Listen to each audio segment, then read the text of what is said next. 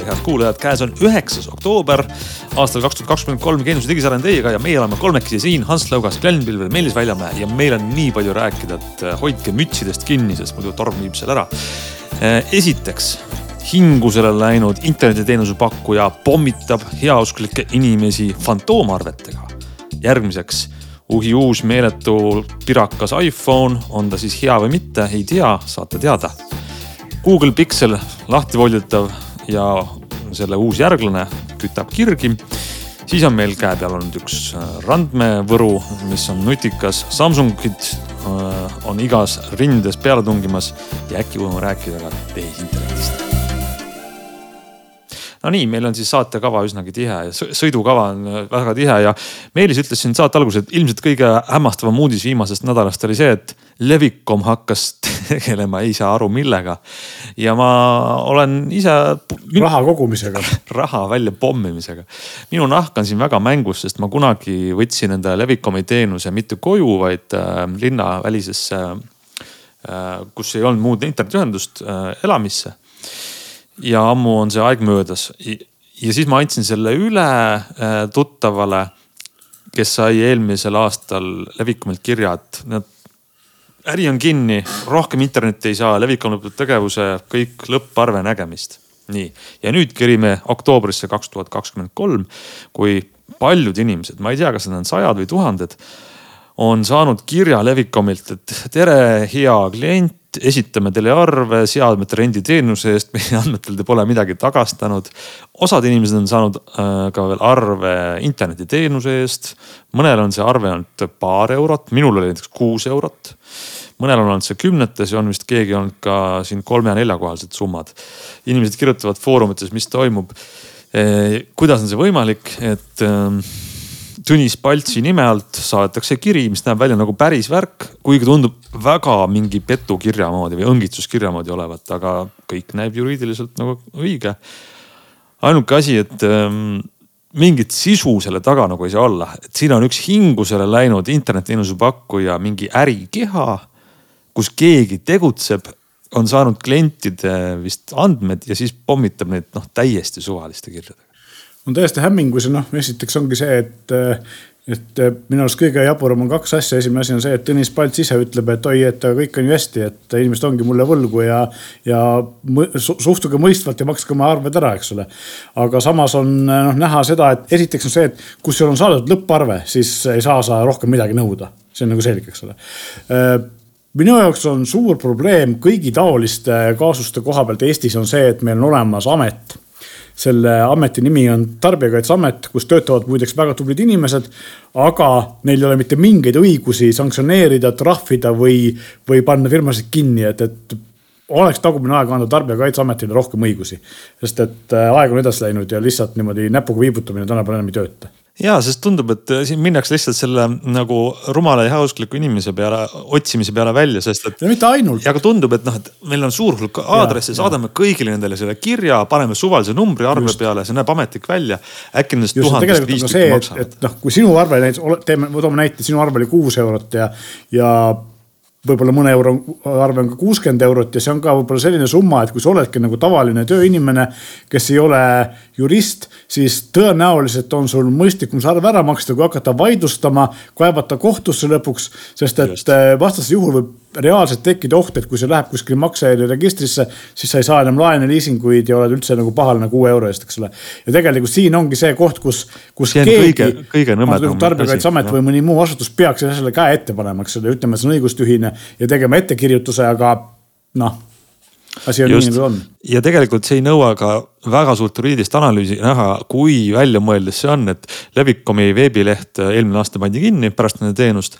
nüüd on sinna aadressile kokku klopsitud ühed üldtingimused, mis on noh, kribu kirja täis, aga isegi nende kribu kirja täis järgi ei ole alust, sest seal on kirjas, et kui meie teenus lõppes, siis me saadame teile kahe kuu jooksul arve ja pärast seda Just. on kõik lõppenud. see on, see on jah, siin puhas äh, sihuke pommimine. Äh, ma arvan, et ärme rohkem kuluta, juba on saate alguseks läinud nagu närv mustaks ja pulss üles. Et võtame nüüd järgmise teema ja ma panin järjekorras äh, esmamuljed iPhone viieteistkümnest, sest et minul juhtumisi nädala nagu praegu päevi käes iPhone'i viimase mudeli sees kõige pirakam versioon. iPhone viisteist Pro Max ja, ja on jätnud erinevaid muljeid. aga teie, kes te ütleme igapäevast iPhone'i ei ole kasutanud. Kas teie arvates selle telefonis üldse on midagi kõneväärt või huvitavat? mul on äh, kaks küsimust kohe. esimene küsimus on see, et kas sa oled proovinud iPhone'iga laadida muid seadmeid ja muude seadmetega iPhone'i ja kas sa oled ka segadust. teiseks on see, et kas su telefon läheb meeletult kuumaks ja kas sa oled saanud juba selle uuenduse, mis selle peaks ära parandama. ja kolmandaks on see, et kas viiekordne optiline suum on tegelikult nii ütleme mitte kehv, aga mitte nii hea, kui Apple ise ütleb, nagu nad, nagu siin ülejäänud ülevaated väidavad väga head küsimused. esimene küsimus oli siis see laadimine. ma ei ole veel laadinud oma akupanka, sest ma tean, et tal peaks olema see power delivery nii nutikas, et kui akupangas on vähem voolu kui telefonis, siis hakkab äh, telefon justkui nagu seda nõrgemat seadet toetama. et siis sa ei saa akupangast maksimumi võtta, vaid äh, hakkad akupanka laadima. ma ei ole seda veel teinud, ma akupanka otsisin, aga ei leia üles kapist. küll aga see USB-C, see kaabli osa on on jah, kõik, kes kasutavad Androidi, ütlevad jah, siin ei ole midagi uut ja ei olegi midagi uut, see on lihtsalt väga-väga hea. ma saan panna Just. monitori järgi oma telefonile ja telefoniga ekraani jagamine toimib lihtsalt hetkega või mingid muud lisaseadmed, et see. no sul siiski on vaja sellist äh, monitori, kus ka oleks need otsikud, noh ehk USB C siis või vastavat juhet või mis iganes, et see vist päris noh, nüüd igaühel kohe selline monitorist nurgas ei vedele, ma pakuks või? Ja, aga ütleme, et uuemad monitorid tegelikult ka ikkagi on, mhm. on kas lihtsalt USB-C või siis ka lausa USB-C power delivery, et sa saad laadida ka mm -hmm. laptop'i ja samal ajal pilti edastada mm. -hmm. ja selle laptop'i asemel paned telefoni ja, ja mul on ainult üks küsimus, millal nad peidavad sinna iOS-i sisse ära väikese iPad OS-i või, või midagi sellist, mis seda suurt monitori toetaks sest riistvara ja ühenduvus on juba olemas, et ma saaks kasutada. no praegu sa näed seal suurel monitoril ikkagi sedasama pilti nagu siis telefoni ekraan, aga ta on suur. just, lihtsalt nagu ekraani peegeldamine jah, et ja. äh, aga noh, siin on juba liikunud ka mõned näidis, nupumehed on siis pannud Bluetoothiga või, või donglitega külge klaviatuuri ja hiire. just mm. -hmm. ja, ja siis kasutanud nii-öelda seda, aga no kasutajaliides on siiski telefon juba. teine küsimus oli kuumuse kohta kiirlaadimisega läheb soojaks, aga, aga mitte soojemaks kui paljud teised. või noh, ei lähe üle normi isegi. kui Instagrami lahti võtad, siis äh, ei toimu mingit meeletut kuumenemist. saab ise kasutada. ei, ei, ei, ei ole tähele pannud, et nagu ülemäära kuumeneks, küll aga kindlasti uues selles iOS seitsmeteistkümnes on mingisuguseid kehvasti tehtud optimeerimisi, näiteks aku laadimisega seal on nüüd äh, kolm akurežiimi. Äh, nagu ka Androidil on tükk aega olnud, kas siis maksimum saja peale või siis optimeeritud laadimine, mis peaks olema nii, et läheb sul kaheksakümne protsendi peale ja siis arvab, millal sa võtad juhtme ära, enne seda läheb saja peale. see arvamine on minu puhul nagu puusse pandud hetkel, et ta ei tea, millal, väga tihti ma võtan juhtme ära kaheksakümne peale. et ma oletan, et siin on mingi masinõpe, ei ole nagu aru saanud sellest veel ja kolmas ähm, küsimus on selle kaamera, kaamera kohta. tead, mina ei hakanud väga nüüd nii-öelda seda Apple'i turundusjuttu etaloniks võtma, küll aga ma käisin ja tegin selle viiekordse zoom'iga proovi ja, ja, ja eriti filmimist. pildikvaliteet on küll hea jah. kas ta nüüd on maailma kõige parem pildikvaliteet? noh, eks seal on ikka selline teravustamine on jõuline ja, ja kontrasti juurde lisatud ta on väga hea kindlasti normaalsele silmale, proff võib-olla kritiseeriks. küll aga, mis on tõeliselt hea, on see pildistabilisaator Mm -hmm. et mida rohkem sisse zoom ida, seda rohkem hakkavad need värinad tulema sisse, siis on sellised värinate kompenseerimise jõnksud teistel telefonidel sageli siin on noh, bänn on siis inglise keeles see, see liikumine, kui näiteks vasakult paremale kaamerat äh, jälgid mingit liikuvat objekti. noh, see on ikkagi nagu, ma ei tea, nende reelingute peal sõidaks sellega, et see on nagu, see on ime selle kohta ma küsin teilt mõlemalt ühe profülaktilise küsimuse või sellise teoreetilise küsimuse, ma ei ütle, miks. aga kas teie arvate, et optiline suum või optiline stabilisaator on optilise suumi juures oluline, ehk siis kus on suure suumi kaamera, kas see vajab kindlasti optilist stabilisaatorit? ma ei, ma ei usu, et vajab, aga ma arvan, et isegi vist see optiline stabiliseerimine on juba nii ähm, vanakool, et see digitaalne stabiliseerimine on. või no üle, ütleme siis niimoodi, et üldse stabiliseerimine korralik on seal oluline, eks ei no üldse ikkagi ma ütleks, et muidugi on oluline, et noh optilise mhm. puhul võib alati teoritiseerida selle koha pealt okay., et, et noh, mida pikemaks sa ajad fookuskaugust, siis justkui seda kriitilisemaks muutub siis igasuguse stabiliseerimise nagu faktor, eks ole, et see kõik ju kordistub, et kui seal on sul. Äh, ma kohe veel ei ütle, võib-olla ma ütlen, kui me sinna teemani jõuame ja kui me tänase teemani ei jõua, siis ma aha, ütlen seda järgmine kord. aga ühesõnaga, aga mis mul, ühesõnaga noh, minu küsimus on otsas, aga on sul veel midagi öelda, mis mis on nagu. ei, ma arvan, et mida, mida, mida iPhone'i ähm, huvilised või siis need kaalujad mõtlevad, et mis, mis siin on uut. nagu ma ütlen, et väga tihti on, sa võtad iPhone'i kätte ja see on täpselt nagu eelmine aasta mudel ja ongi, nad on väga-väga stabiilsed, need muudatused. aga mm, Pro Maxil on siis ähm, selline, see korpus on väga õnnestunud, ma arvan. Äh, see on selline, ei ole nagu külm äh, teras, vaid on, on ümarate servadega on see korpuse viimistlus, mis on noh, maitse asi jällegi. ma arvan, et siin ei ole mingisugust objektiivset hinnangut ei saa väga anda, aga ta on õnnestunud. ja kahjuks mina tunnen puudust sellest äh, metalllülitist, mida sai siis lülitada üles-alla, oli selline vana anakronism veel selle vanade mudelite küljes, et nüüd on üks lisanupp selle asemel. kuidas muidu, ütleme see, noh, kuidas muidu aku nii-öelda vastu peab ja kõik on nagu enne või no sa muidugi läksid vist üle üsna suure hüppega, et siin tegin... esimene, eelmine telefon ei olnud neliteist, sul oli midagi vanemat, eks ole. mul oli jah, kolm-neli aastat juba vana XS Max lausa, viis aastat või, ei mäleta, noh terve igavik on möödas ja sealt tulles on see hüpe olnud väga suur mm. -hmm. aga aku on tal nagu iPhone'ide aku on, et ta peab päeva ilusasti vastu ja kõvasti veel jõudu ülegi, aga ta ei ole kindlasti kahe päeva aku. või siis ma kasutan teda ikka nii, nii noh, tõsiselt, et äh.... no igal juhul võid sa öelda, et kui teil on siis viis aastat vana telefon, siis kui te ostate omale viisteist Pro Maxi, siis on teil nägu põhimõtteliselt ikkagi naerul, ütleme siis nii. no naerul on siis, kui te saate need lightning juhtmed kokku korjata oma öökapilt, elutoast, autost, kõikidest kohtadest ja jääb üks juhe alles, et ma tegelikult märkasin, kui palju on vaja nüüd USB-C mõlemapoolse otsaga kaablid hakata ostma igale poole, et need on, need on nagu vajalikud. no ega tegelikult ikkagi neil, neil inimestel, kellel on veel kodus muidki Apple'i asju, näiteks võib-olla nende hulka kuulub mõni äh, Maci või Apple'i klaviatuur ja oh üllatust, selle taga on endiselt lightning ots. või just. ka mõni hiirepoisikene, kus taga on lightning ots. nii et ega nagu nendest mingi... lightning juhtmetest ei pääse veel niipea ma arvan, et siin on see, et lõpetage enda piinamine, ärge ostke omale, võite mulle osta võib-olla Apple'i klaviatuuri ja kindlasti mitte hiirt, see on kohutav.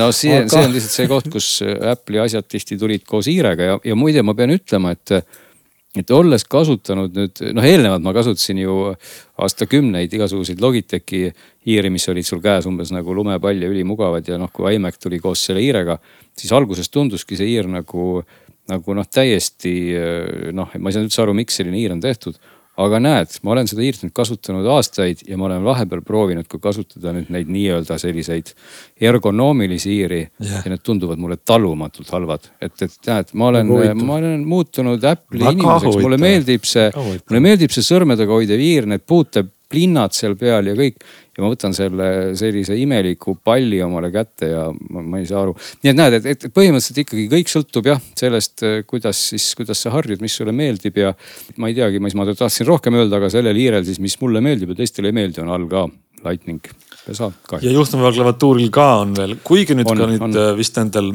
AirPods Prodel on USB-C ots ja kõikidel iPadidel, Umacidel ja, ja no küll me jõuame lõpuks ka selle korda teha nii see vist on jah. kuulge, aga põrutame ka edasi oma tiheda kavaga, sest et ähm, Apple ei ole jõudnud veel volitava telefonini, ma arvan, et viie-kuue-seitsme aasta pärast jõuab sinna, aga ähm, nüüd Glen, ma saan sina, et selle Pixel. ma tahtsin sinu, pro sinu prognoosi kohta võib-olla kommenteerida, et, et kas see nüüd on optimistlik, on see iroonia või see on pessimistlik, ma ei saagi täpselt aru, aga, aga jah, et kui tõesti Apple, mis sa ütlesid, viie, kuue, seitsme aasta pärast, siis me saame veel tükk aega rääkida no, Samsungist ja Pixelist ja kõikidest teistest telefonidest. no sa oled no. Pixel Foldiga nüüd möllanud. me oleme Kas, mõlemad jah, ähm, Meelisega fold isime, voltisime seda telefoni, et äh, äh jah äh, see on nüüd esimene konkurent siis, mis on ametlikult Eestis äh, olemas ja tuleb Samsung Foldi kõrvale.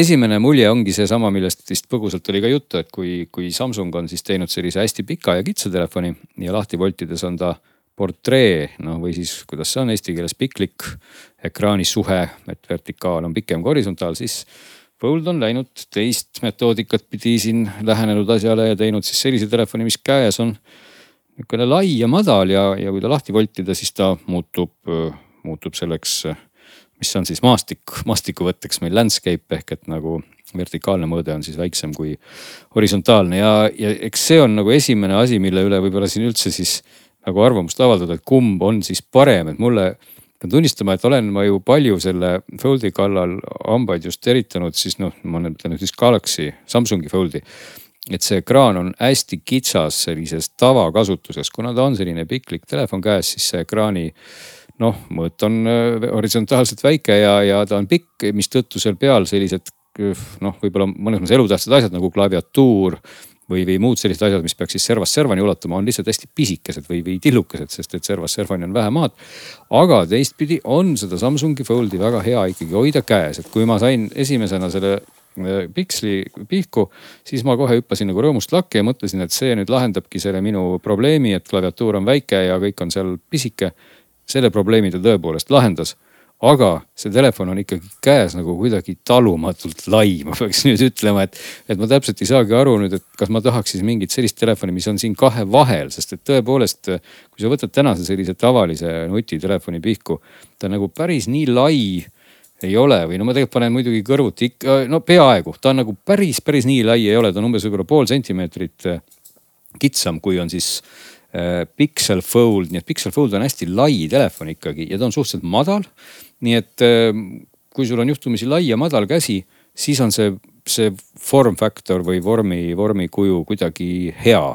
aga teistpidi ma olen nüüd hakanud kalduma peale seda kasutamist kuidagi hoopis sinna Samsungi poole tagasi, et hoolimata sellest kitsast klaviatuurist on seda Samsungi voltitavat telefoni hoida ikkagi parem käes. ja teistpidi, kui ma teen selle telefoni lahti, siis noh, Fold, Pixel Fold siis avaneb, nagu ma ütlesin, selliseks laiekraaniks ühtepidi on see hea, kui sa juhtumisi tahad panna kaks nagu telefoni nii-öelda kõrvuti, et, et kui sa tahad siis kasutada multitasking ut, mida ilmselt muidugi telefonis enamik inimesi ei tee, aga sellises telefonis võiks, võiksid nad siis hakata seda tegema.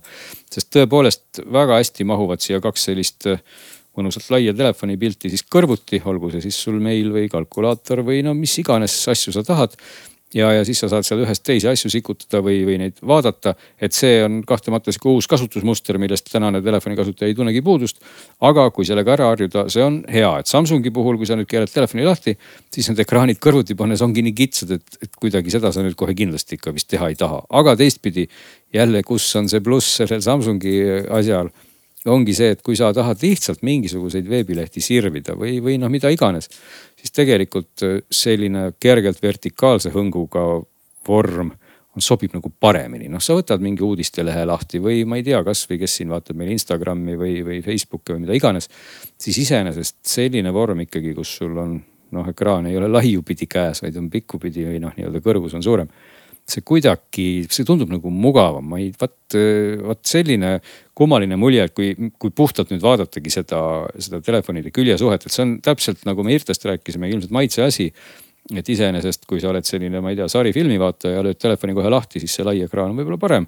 et Samsungi pead sa siis keerama viltu, et põhimõtteliselt need telefonid, kui me nüüd omavahel siin nii, nii pikalt jäin nendest rääkima, ongi nii, et lahti keeratuna siis ühe sa justkui peaks keerama üheksakümmend kraadi ja siis ta muutub nagu samalaadseks nagu teine. aga noh, üldiselt kvaliteedilt on ta selline noh, kui, kui Samsung on nagu väga-väga kuidagi ühes tükis ja kuidagi selline hästi noh, tõesti nagu füüsilise viimistluse poolt ikkagi ei ole sealt peaaegu nagu midagi öelda, siis, siis Pixli puhul natukene see ekraani, mitte et ta logiseks, aga kuidagi, kui sa keerad selle ekraani lahti, siis see ekraan ei nagu ei lähe nagu päris lahti, jääb see nagu väike sihuke lõtk, sa pead teda natuke veel väänama, et, et nagu noh, selle koha pealt võib siis natukene norida, sest et ega hinda vaadates on ikkagi ju Pixel täna grammikese võrra kallim, kui seda on Samsung, see vahe ei ole küll suur Pixli eest kännukas, kes meile selle testimiseks andis, ikkagi täna on sunnitud küsima pealt kahe tuhande euro natukene. ja, ja Galaxy Fold viie saab ikkagi alla kahe tuhande euro et noh, aku vastupidavus, noh volditavatel alati on ta väiksem. Pixlil on natukene suurem aku, aga Pixel on ka raskem telefon tunduvalt, et kui Samsung kaalub seal kakssada viiskümmend grammi, siis Pixel Fold on kakssada kaheksakümmend kolm grammi. ta on ikkagi päris, päris tugev tükk käes vot sellised välimuslikud esmamuljed, et ega ma siia sisemusse võib-olla väga palju ei tahakski takerduda, sest noh, kaamera osakond on siin väga hea. siin taga on viiekordne suum muide ka optiline ja, ja kaamera kvaliteet on ju Pixli telefonidel pigem olnud ikkagi väga hea, kogu see tarkvara, et selle koha pealt kindlasti sellepärast ei tasu teda siis nüüd ostmata jätta, et mida. kuidas midagi... aku peab? no vaat see, see ongi nii, et kuidas sa kasutad, üldiselt ta peab ikkagi nagu hästi, et ka päeva saab hakkama, aga kui sa nüüd tõesti selle ekraani seal lahti lööd ja hakkad seal möllama, mida ma ei ole niimoodi metoodiliselt teinud siis ilmselgelt võib see aku ka kiiremini kuluda, aga, aga noh, ei kuluda sugugi kiiremini kui Samsung, et sest et aku on iseenesest natukene suurem mahult, eks ole. ja et noh, mina proovisin ka seda natukene ja peab ütlema, et see kinnitab nagu minu sellist veendumust, kõik, mis Glen räägib, tundus ka mulle sama, eriti see, et see madal ja lai eh, väline ekraan oli ka minu jaoks natuke liiga, liiga, liiga, eks ole, liiga lai. ja kui ma seda enda kätte sain, siis seal oli ümber selline plastikust ümbris, kaitseümbris ja esimene asi, mida ma pidin tegema, pidin selle ära võtma, et ma muidu kasutan kõigil telefonidel, millel võimalik ümbrist, eks ole, et oleks lihtsalt turvaline ja midagi juhtuks, kui ta maha kukub. siis selle ma pidin ümbris ära võtma, sest et selle koos kasutamine oli nii ebamugav, kuna tegi selle veel suuremaks, eks. see oli veel suurem jah ja, ja teine asi ongi see, et ta ikkagi kinnitas seda minu jätkuvalt arvamust, kuigi ma tean, et, et päris mitmed inimesed ja eriti ka mitu sellist prominentset Youtube erit eh, on väga sellise volditava siis tahvliks volditava eh, telefoni fännid, siis minu jaoks on ikkagi ta natukene noh, ma ei julge öelda mõttetu, aga ma ei leia selle enda jaoks nagu väärtust, et. et eh, mulle meeldib see flipi tüüpi vertikaalselt volditav asi rohkem, et ta teeb küll selle ekraani suuremaks, kui ma tõesti tahan sellest neli-kolm kuvasuhtega asjas midagi teha, siis ma saan ka natuke rohkem pinda või nagu Glen ütles, kahte äppi korraga lahti hoida. aga ma näiteks võrdlesin, mul on siin käes praegu, mida ma igapäevaselt kasutan, on Samsungi Galaxy S kakskümmend kolm ultra. Ja panin Youtube'i mängima selle ka Samsungi telefoni peal ja siis lahti volituna selle ähm, piksli peal, panin nad kõrvuti ja siis äh, see kasulik ekraani osa või see, kus see Youtube'i video konkreetselt mängis lai ekraanina, eks oli täpselt identselt sama suur. ehk siis ülejäänud selle piksli ekraan oli antud juhul raisatud, eks. et teatud olukordades sa ei saa sellest lahti volitavast ekraanist äh, lisakasu. aga kui neil inimestel, kellel tõesti on vaja nagu tingimata kahte ekraani kõrvuti kasutada või kahte äppi kõrvuti kasutada, seal on sellest kasu küll, eks ole. aga äh, see inimeste hulk on ikkagi tõenäoliselt üsna väike, eks ole, sellepärast ongi see selline volditav äh, tahvliks volditav telefon on ikkagi nišitoode, ma ütleks, et äh, huvitav asi ja Google on teinud seda hästi, muidugi tarkvara on neil väga, väga hea ja korralik. ja, ja et no siin lihtsalt ennast korrates ja lisades ikkagi on seesama moment, et kuna kokkuvolditav telefon on ikkagi suhteliselt paks täna, siis, siis see Samsungi lähenemine, et teeme sellise kitsa ja pika telefoni, mis on paks, on tegelikult käes hoida väga mugav, et kuna ta on paks, aga kitsas, siis see justkui ei häiri see, see, ta, ta ongi natuke sihuke matsakam, aga kui see telefon on lai ja paks vot siis, siis see ei tundu kohe üldse hea, sest et kui sa nüüd võtad tavalise telefoni kätte nagu..., mis on lai, aga õhuke. on ta enam-vähem nagu noh, polegi hullu, sa oled harjunud ja kõik on hästi. aga ma just praegu siin selle jutu ajal neid omavahel võrdlen ja silitan ja ma saangi aru, et, et selline form factor vorm, et ta on nagu lai ja paks see, see ausalt öeldes jätab õhku kahtlused, et mitte öelda kõhklused, et Samsungi võtad praegu kätte ja ta nagu tundub sihuke kohe nagu valatud, teda on hea hoida käes. tõsi, see miinus on see, et see väike või noh, kitsas ekraan ei mahuta suurt klaviatuuri, aga sa siis Samsungi lööd alati lahti. nii et noh, mis mind selle Samsungi puhul siis nagu häiriski, kui võrrelda, oligi võib-olla see, et ma kogu aeg pidin tegema telefoni lahti, kui ma tahtsin justkui midagi sellist vähegi suuremat teha Pixel Foldi puhul ma ju ei pea telefoni kogu aeg tegema lahti, sest ekraan on laiem ja sinna mahub rohkem. aga teistpidi jah, kas ma nüüd üldse siis tahan teda niimoodi lahti teha, nii et vot sellised segased eh, kokkuvõtted siin on, et nad on, nad on lihtsalt erinevad, aga ma ütleks, et keskmise inimese käe jaoks tundub praeguse paksuse puhul see, see Samsungi mõtteviis nagu töötavad ikkagi paremini. ma tean, et Pixli puhul on ju tegelikult siin uudiseid meil veelgi, et Google ei ja. ole puhanud kaheksa tuli välja. kaheksa tuli välja ja kaheksa on eelmisest seitsmest sada eurot kallim, niisiis äh, pro versioon mm -hmm. kui ka mitte pro versioon ja tegelikult ega see riistvara seal nagu tohutult palju parem ei ole, natuke parem on ta loomulikult nii protsessor kui muud asjad. aga äh, kaks asja, mida nad teevad, esimene asi on siis see, et mõlemad on tarkvara poole pealt tegelikult, esimene asi on see, et neil on tohutus koguses uusi tehisintellekti ja ai-ga pildiparandus ja videotöötluslahendusi mis tegelikult enamasti töötavad pilves, nad müüvad seda telefoni küll sellena, et oi, et näed, sa saad nagu endale ägedaid pilte ja videosid tegeva telefoni. tegelikult on see kõik see Google'i pilvemaagia, mis nagu telefonist väga palju ei sõltu, eks ole. ja teine asi, mis on nagu väga suur asi ja me võime võtta selle väga suure näputäie soolaga. sest kui just eelmine saade me rääkisime, kuidas Google järjekordse asja ära tappis, milleks oli siis Google podcast, siis äh, Google lubab Pixel kaheksa seeriale seitse aastat tarkvarauuendusi, turvauuendusi ja uute oma, noh uute võimaluste lisamist, nii et see on absoluutselt parim, mida praegu ükski telefonitootja pakub. kuni aastani kaks tuhat kolmkümmend siis. just, kas Google seda lubadust peab, see on omaette küsimus, sest et uskuda me seda väga ei tasu, teades Google'i varasemat poliitikat, aga tahaks loota, vähemalt lubaduse mõttes on see ikkagi väga-väga hea, tere, teretulnud tulemus. Telefonid iseenesest on muidugi väga head. Ja jällegi on probleem selles, et eks ole, et Eestis äh, need nii-öelda advanced äh, võrguasjad ei taha toimida. 5G, ähm, volt, voice over LTE, voice over wifi, aga ka siin on tegelikult erinevalt näiteks Motorolast on väike lootusekiir, sest et koos Pixel kaheksaga tuli välja ka Android neliteist pikslitele ja Android neljateistkümnel on sees, kuigi ametlikult äh, operaatorid seda kinnitanud, vähemalt Telia puhul olemas Ehm, siis 5G voice over VLTE ja voice over wifi tugi nii Pixel seitsmele kui kaheksale.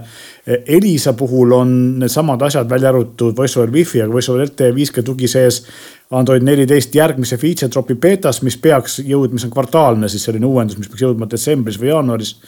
Tele2 puhul ei oska öelda, aga ühesõnaga, et, et tundub, et see Pixli selline Eestis reaalselt kõigi asjade töötamine jõuab ka järjest vaikselt, aga kindlalt lähemale ja see on väga tore asi et üks asi, mis veel tuli, eks ole, on siis uus Pixel Watch kaks kell, millel on nüüd kõvasti uuem sisu ja mis, mille aku peaks paremini vastu pidama, et seda me ka tegelikult tahaksime ilmselt lähitulevikus testida.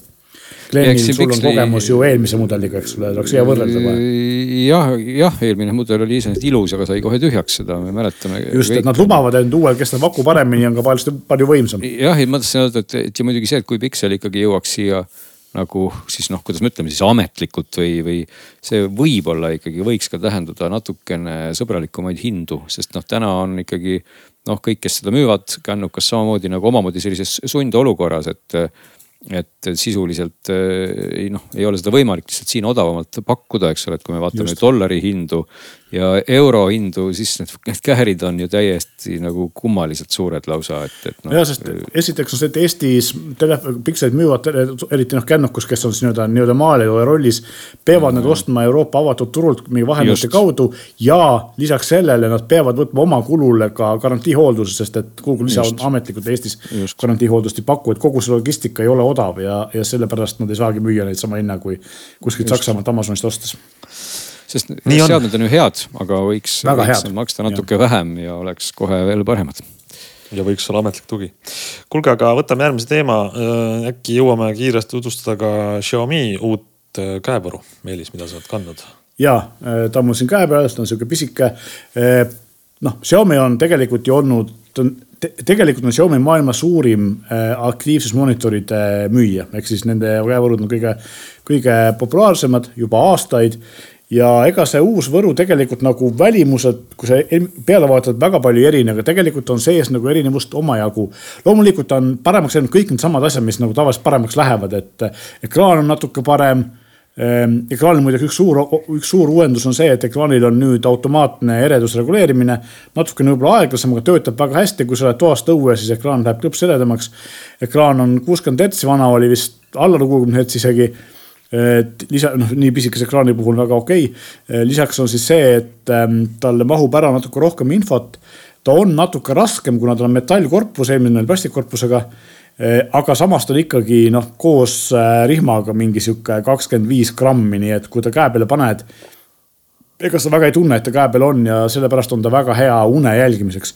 une jälgimine töötab täitsa okeilt, samuti suudab ta siis päevaseid uinakuid tuvastada, proovisin järgi aga muidugi need andmed ei ole nii täpsed, kui nad on, kui nad on mõnedel kallidel komponentidel. mulle meeldib see kommentaar, ma tahaks, ma tahaks olla põhitöökohana tahaks tegeleda päevaste uinakuste testimisega erinevate seadmete. usu mind, et äh, hakkab igav, mina tervist testisin nädalavahetusel seda, aga, aga iseenesest äh,. ma ikkagist tegan teist korda veel vahele, kas metallist korpust teeb ta nagu ka peenemaks või? ma mäletan, need Xiaomi bändid on toredad, aga nad plastik avaldab alati hästi odava mulje. ja nüüd on, on nagu üks kõige suurem uuendus võib-olla üldse on see, et kui varem oli Xiaomi bändidel niimoodi, et ta käis nagu sellise kummist ümbrise sisse, mille küljes oli siis äh, need äh, ähm, käe, käepaelad, eks ole, või need otsad.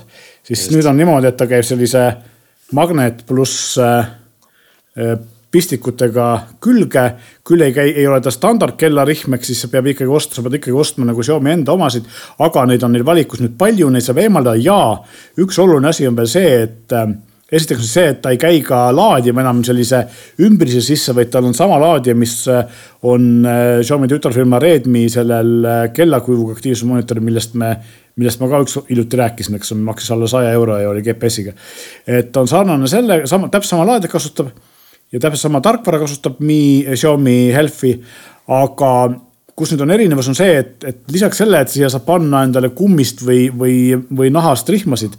saad, saab teha kahte asja, esiteks on see, et sa võid selle ära võtta ja panna siia külge siuksed kinnitused ja nende kinnituste külge saad panna kas siis sellise metallist naiseliku käerihma või sellise noh keti nii-öelda, eks ole, mitte rihma mm. -hmm. või saad sa riputada selle kaela ja see äh, Xiaomi müüb siis erinevaid kaelakette selle jaoks.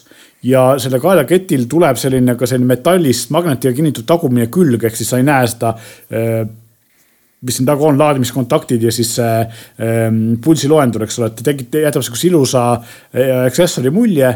ja kolmas asi on veel, lisaks müüb Xiaomi siis äh, tossu külge käivad sellist kummist ümbrist, millega saad seda klipida tossu külge ja siis ta on sul nagu väga täpne sammulugeja, eks ole, et kuna GPS-idel sees ei ole, kui seda sporti teha siis see võimalus on olemas. ma ise neid proovida ei saanud, sest ei seda kaelarihma ega ka seda tossu kinnitust komplektis ei ole ja mulle neid ei antud. aga iseenesest noh, lõppude lõpuks ikkagi, kui sa tahad nagu väga kerget, väga lihtsat ja väga odavat aktiivsusmonitori oma sammude, kalorite lugemiseks, võib-olla mingite trennide jälgimiseks. loomulikult GPS-idel ei ole ja muid selliseid asju aga kuidas siis jooksmine toimub? jooksmine toimub niimoodi, et ta salvestab lihtsalt su samme ja liikumist, et sul peab olema mingi GPS-iga telefon ja, kaasas. ja no hästi kerge, hästi mugav ja ma ütleks ikkagi endiselt nagu ma arvan, selle raha eest kõige mõistlikum aktiivsusmonitor eh,. hinnaga on küll see probleem, et kõik need uuendused on hinna tõstnud natuke üles. praegu Eestis müüakse teda siin ja ilmselt ametlik soovituslik müügihind on viiskümmend viis eurot ilmselt ta kukub varsti alla selle maagilise viiekümne euro piiri. ja ma ütleks, et selle raha eest vähemalt, kui ta kukkus alla viiekümnest, ta on päris, päris korralik. nii et ähm, noh, selle raha eest saaks soovituse. teine küsimus jällegi see, et, et kas me peaksime moraalsetel kaalutlustel Xiaomi tooteid ostma, nagu me eelmine kord rääkisime, kuna nad ei ole idanaabri juurest ära tulnud. aga tehniliselt on see igati korralik aktiivsusmonitor ja, ja võiks täitsa nende inimestega saavad lihtsalt aktiivsusmonitori, mis samme loeb, kaloreid loeb. lisaks on veel see, et tal on siis sada viiskümmend erinevat spordiala, mida ta suudab tuvastada või mida ta suudab jälgida, eks ole. enamus neist muidugi ei ole väga nii täpsed kui Garminil või Apple Watchil või nii edasi, aga, aga siiski, et täiesti, täiesti nagu arvestatav kogus. no kui sa ta omale siiski kaela riputad, siis ilmselgelt üht koma teist vist jääb jääb nagu ära või ma ei kujuta, kus ta ja, on. kusjuures lisaks on see, et selles konfiguratsioonis kellaseadetes saad siis valida, et kas ta on sul käe peal, kaelas või tossu küljes, ilmselt sellega seoses ta midagi soft'is muudab. ise ta ei tuvasta ühesõnaga, no ei no selge, minu arust on äh, need odavad seadmed tegelikult mõnikord väga huvitavad, eriti kui on hästi tehtud. muidugi nad ei tee kõike seda, mida kallid, aga nad on huvitavad. kuulge, räägime nüüd veel enne, kui me, enne kui täitsa saade läbi saab pool on juba läbi saanud. räägime nüüd äkki mõnest uudisest. esiteks selline teade Facebookilt, vabandust, Facebooki emafirmalt ehm,. ei ole veel vist ametlik uudis, aga noh, vähemalt ehm, võiks seda oodata, et mm, Meta võib hakata pakkuma Euroopas Facebooki ja Instagrami kasutajatele tasulist teenusepaketti, millel on siis reklaamivaba versioon. Selle taga on noh surve Euroopa Liidult, kuna Euroopa Liit karmistab andmekaitsereegleid ja üks võimalus nendega siis toime tulla, et inimesed saaksid platvormi kasutada nii, et nende andmeid, ütleme reklaami müügiks ei kasutata otse, on anna see kulu inimese enda kanda. Et kes maksaks Facebooki eest kümme eurot kuus või Instagram, Facebooki eest kümme eurot kuus, seda ma ei tea. kes maksaks Instagrami eest kümme eurot kuus? noh, ma enam ei üllatu millegi üle, vaadates, kui palju inimesi töllab ringi endise nimega Twitter nimelises platvormis ja kannavad uhkusega sinist linnukest, mille eest tuleb ka hulk raha välja maksta iga kuu. aga teie, kas te lähete tasulisele Facebookile üle? ma ei ole läinud üle ka isegi tasuta Facebookile veel. et selles, selles, selles mõttes ilmselgelt on see vastus ei, aga, aga teistpidi ma nagu näen, et kui antakse selline valikuvõimalus inimestele iseenesest, et valikuvõimalus ei ole ju paha, et kui sul oleks mhm. võimalus valida, kas sa maksad või vaatad, siis võib-olla miks mitte, et võib-olla ajab kedagi marru see reklaami vaatamine seal, eks ole aga jah, et, et ma, ma ei saaks nagu kuidagi halvustada seda, seda ideed, et tegelikult ärimudelina see ikkagi idee, et kasutaja võiks maksta võimalikult tihti, aga võimalikult vähe, on osutunud ju väga elujõuliseks tegelikult igal pool peaaegu.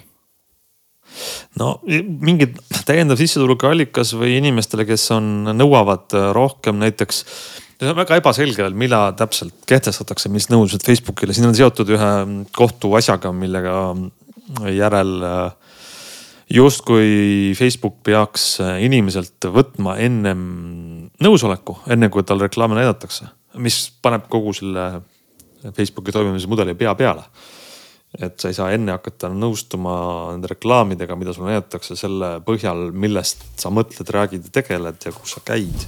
sest nende pealt need tulevad reklaamid. aga ikkagi, kui, kui tuleb olukord, kus on variant, et sa kasutad tasuta Facebooki ja siin kõik sinu mõtteid, peaaegu digitaalset jalajälge kasutad reklaamimiseks. Versus siis see, et sa maksad näiteks kas kuus eurot, kümme eurot või muide läbi on käinud ka kolmeteist eurone kuuhind, kui sa tahad seda kasutada mobiilis, et siis on veel kallim, noh. no see, vaata, vaata see piir on ju iseenesest selle koha peal alati, et, et nagu ma ütlesin veel kord, et valikuvabadus on siin väga teretulnud, kui seda võib usaldada, seda pakkumist ja teistpidi ma ei, kuidagi ei tahaks ka maha teha nagu seda mõtteviisi, et kui mingi usaldusväärne firma minu andmeid kogub ja minu jalajälge analüüsib ja nende põhjal teeb mulle toredaid soovitusi, noh siis ei ole ka minu jaoks kuidagi nagu halb, et ma saan muidugi aru, et ma võiks öelda, et oi, et, et ta saab teada noh statistikana mingit väga suurt big data't kõikide inimeste kohta ja võib-olla seda hoopis salaja veel kellelegi kolmandale müüa ja. ja igasuguseid äh, konspiratiivteooriaid saab ju loomulikult koostada lõputult ja, ja need andmed on väärtuslikud. aga teistpidi ma tunnen ka seni ikkagi personaalselt natukene puudust sellest, et kuna mul on näiteks Youtube'i see premium pakett, eh, siis ma ei näe Youtube'i reklaame, ma maksan iga kuu sinna mingisugune kaheksa eurot või mis iganes see on. aga ma mäletan neid aegu, kui mul ei olnud seda paketti ja mõnikord ma jäin täiesti vaatama, sest need reklaamid olid head. ma olen selles saates vist seda ennem ka rääkinud, et mulle, mulle tegelikult meeldiks nagu see võimalus, et mul oleks kuskil osakond neid oma personaalseid pakkumisi kasvõi nagu sirvida, et, et praegu on selline must ja valge maailm, et ma maksan siis ma olen kohe nagu täiesti ära lõigatud sellest ja kui ma ei maksa, siis mul tuleb uksest ja aknast sisse asju, millest ma siis võib-olla tõesti kaheksakümmend protsenti üldse ei taha vaadata ja lähen närvi ja vannun. aga ma tunneks puudust nendest ülejäänud kahekümnest protsendist, mis, mis võib-olla annavadki mulle mingisugust uut teadmist või uut infot või mida iganes, eks ole, mis on minu huvidega. me oleme ennem selle teema üle vaielnud ja mina jätkuvalt äh, ei, ei meeldi mulle see nüüd ajakirja formaat, kus ma pean maksma ja samal ajal saama ka reklaame, isegi kui ma olen maksnud natuke vähem ja mulle tundub, et erinevad voogedastusplatvormid just seda teed lähevad, eks ole, et. et järjest rohkem siin on, käivad kuulujutud, Netflix samuti püüab tõsta hinda ja uuesti ja siis teha järgmised nii-öelda reklaamiga paketid, kus sa siis pead, saad maksta vähem, eks ole, et. et ilmselt lõpuks lähebki kõik selleks, aga, minu küsimus on pigem see, et, et mina näiteks, minu kogemusi on väga erinev Glenni omast selles mõttes, et äh, mul on ka paljudes kohtades lubatud nii-öelda need personaliseeritud reklaamid ja Facebook ja Google teevad väga hästi, mis mind huvitab, eks ole. ja ma ei näe nagu häid reklaame ja ma ei tea, kas see on nagu minu spetsiifiline või Eesti spetsiifiline, sest ma olen kunagi aastaid tagasi, kui Instagram nagu sai populaarseks, siis äh, seal räägiti ka hästi palju, USA-s räägiti sellest, kui head on Instagrami reklaamid, kui kunstipärased nad on, kui ilusad nad on, kui, kui ilusti tehtud nad on, kui kvaliteetsed. et nad ei olegi nagu üldse reklaamid. ja siis mina siin Eestis nägin täpselt samasugust hambapasta reklaami, et ma nagu ei, ei saanud küll aru, et seal nagu erinevus oleks olnud Instagrami ja teiste reklaamipakkujate vahel, et. et mina ei ole veel näinud, ma olen näinud üksikuid reklaame, mis on tõesti huvitavad ja, ja, ja nagu kaashaaravad ja, ja võib-olla tõesti võiksid näha. aga siin on kaks probleemi, esiteks see, et neid on ülivähe, et neid ei ole kakskümmend protsenti või neid on on null koma kaks protsenti kõigist reklaamidest, mis mul näidatakse. ja teiseks on see, et kui sa oled seda kolm korda näinud, ega neljas kord enam vaadata ei viitsi ja tihti näidatakse ikka sama reklaami sadu ja sadu kordi, eks ei no siin on lihtsalt, et mitte ajada segamini, ma ei mõelnudki seda, et ma tahan kangesti maksta ja siis kogu aeg vaadata isegi neid null koma kahte või kahtekümmet protsenti reklaamidest. ma tahaks seda, et kui ma maksan, siis on mul kusagil eraldi tääb, eraldi sakk minu reklaamid. vaata, vaata pakkumisi just ja ma võin sinna klikkida, kui mul on igav ja vaadata võib-olla seal neid samu kunstilisi ägedaid reklaame. et mul oleks see valikuvõimalus lihtsalt olemas, sest et mina jälle erinevalt ütleks Meelisest, et mulle, ma ei ütleks, see protsent on null koma kaks, et ma sattusin tõepoolest Youtube'ist vaatama mõnikord isegi, ma ei tea, kas see on nagu reklaam või reklaamfilm. lausa mingisuguseid kolme-viie minutilisi asju, mis olid ka sponsoreeritud ja nad olid huvitavad, et, et vaatasid lõpuni ja said aru, et, et noh, sul ei määritagi otseselt mingit toodet nii-öelda võib-olla pähe. aga, aga võib-olla kaudselt siis määriti. aga loomulikult, kui see tuleb mulle vägisi, kui see tuleb igal juhul, nii et ma ei taha seda vaadata, ma vaatan parajasti mingit filmi või videot. ja mulle prõmaki tuleb see reklaam sealt uksest sisse see on loomulikult halb, eriti kui ma maksan, et, et siis ikkagi, et minu jah, nagu idealistlik maailmapilt oleks see, et kui ma maksan, siis mul jääb võimalus neid oma personaliseeritud reklaame kusagil sirvida, kui mul on selleks tahtmist, vot siis oleks väga tore. nii on, kuulge, aga see oli siis diskussioon, mis lähtus uudisest, et võib-olla Facebook küsib teilt raha. mis äh, uudised veel silma ja kõrva jäid, Glen, sa tahtsid kiiresti jagada meil mm, infot, mida suudab tehisintellekt teha? no paremini. jah, mina, mina olen nagu see, kuidas ma ütlen, tehisintellekti advokaat meie saates, et kui võimalik on, siis ma teen kohe oma suu lahti ja ütlen, ütlen midagi ai-st. Et äh, jäi silma selline tore uudis, et äh, prooviti siis äh, ai jõudu pakkimisel. ehk et kui seni kõik me teame, et me pakime siin zippide ja ja RAR-idega ja igasuguste asjadega, mis siis noh, on, on siis see kadudeta pakkimise formaadid, eks ole, mis tegelikult on ju väga, kuidas ma ütlen, väga ammu olemas ja väga olulised, et, et saaks ikkagi siis suhteliselt väikse vaevaga palju või väikse mahuga palju andmeid edastada, siis selgus, et keelemudel, mis on mõeldud pigem teksti jaoks. selle keelemudeli peal, mille peal seda testi küll tehti, oli siis Chinchilla seitsmekümne miljoni parameetriga mudel äh, üllatuslikult pakkis paremini, kui seda tegid siis äh, spetsiaalselt PNG või siis äh, FLAC-i algoritmid, mis siis üks on siis meil pildipakkija ja teine on siis väga kuulus audiopakkija. et, et need vahed olid, võin kohe protsente lugeda, et kui tavaliselt ütleme siis PNG puhul jääb alles ligi kuuskümmend protsenti, viiskümmend kaheksa koma viis protsenti pildi originaalsuurusest. ja FLAC suudab siis kolmandiku võrra kokku pressida muusikat, ilma et siis kvaliteet kaoks, mitte ajada siis segamini MP3-ga, eks ole. Siis äh, seesama Chinchilla nimeline keelemudel sai hakkama niimoodi, et PNG puhul nelikümmend kolm protsenti jäi alles ainult pildist. eelmine puhul oli siis see kuuskümmend ja erinevalt FLAC-ist siis audiofailist jäi järgi kõigest kuusteist koma neli protsenti, nii et äh, peaaegu siis ütleme nii, et kaks korda paremini kui FLAC, mis siis suutis kolmekümne protsendini audiofaili vähendada. ja noh, siin eriti tasubki arvestada ju seda, et, et nii PNG kui FLAC on spetsiaalselt tehtud selleks, nad ongi spetsiaalselt ehitatud pakkima. ja siis mm -hmm. äkki tuleb üks, üks tšintšilja, kes on tehtud selleks, et sinuga vestelda. ja üllatust, ta nii muuhulgas pakib, nii et tolmab. see tuletab, tuletab mulle meelde ühte ähm, suurepärast telesarja nimega Silicon Valley, kus siis tüübid leiutasid parema algoritmi pakkimiseks. Ja, ja tegid sellest äh, firmat ja konkureerisid Google'i paroodiaga, nii et see on nagu esimene punkt, et Chinchilla teeb selle algoritmi, et nüüd tuleb see ka siis nii-öelda tooteks teha ja massidesse viia, et loodame, et Chinchilla saab hakkama sellega. jällegi viitab sellele, eks ole, et äh, ikkagi ikkagi noh, kas me kasutame siis sõna tehisintellekt või, või mis, mis, mis iganes me selle keelemudelite iseloomustamiseks, iseloomustamiseks kasutame, on võimeline looma täiesti käegakatsutavalt, mõõdetavalt uut kvaliteeti.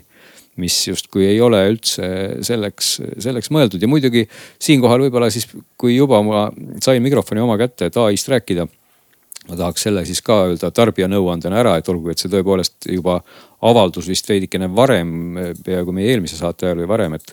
et kes on ikkagi huvi, huvilised nüüd pilte omal ai poolt laskma joonistada, siis äh, Microsofti otsingumootor nimega Bing nüüd teeb seda, et ta, DAL-E, DAL-i, kuidas iganes seda öelda, ta on see suurepärane pildijoonistaja mis siis teebki pildi, kui sa sinna otsingumootorisse kirjutad, et äh, palun joonista mulle mingisugune kümne tiivaga lennuk või, või kuue jalaga draakon, siis ta ka seda kohe teeb ja, ja need pildid näevad välja väga ägedad. ma proovisin ka ise järgi, noh, ma olen küll neid, tõsi küll, proovinud ka siin erinevaid ja teisi ja, ja võrrelnud, aga, aga nüüd on ta siis nii lihtsalt seal kättesaadav ja hetkel ei pea selle eest keegi midagi maksma, kes juhtumisi. kusjuures no, ma peaksin seda proovima, sest et lisaks sellele pingile on tegelikult ju Microsoftil tuli välja ka Copilot, mis on, istub Windows üheteistkümnes sees ja mis on mul installitud ja see Copiloti nupp on mul siin kohe käepärast, aga ma pärast proovin seda, et kas, kas temaga saab nagu sama asja teha, sest see mootor peaks ju olema sama, eks ole.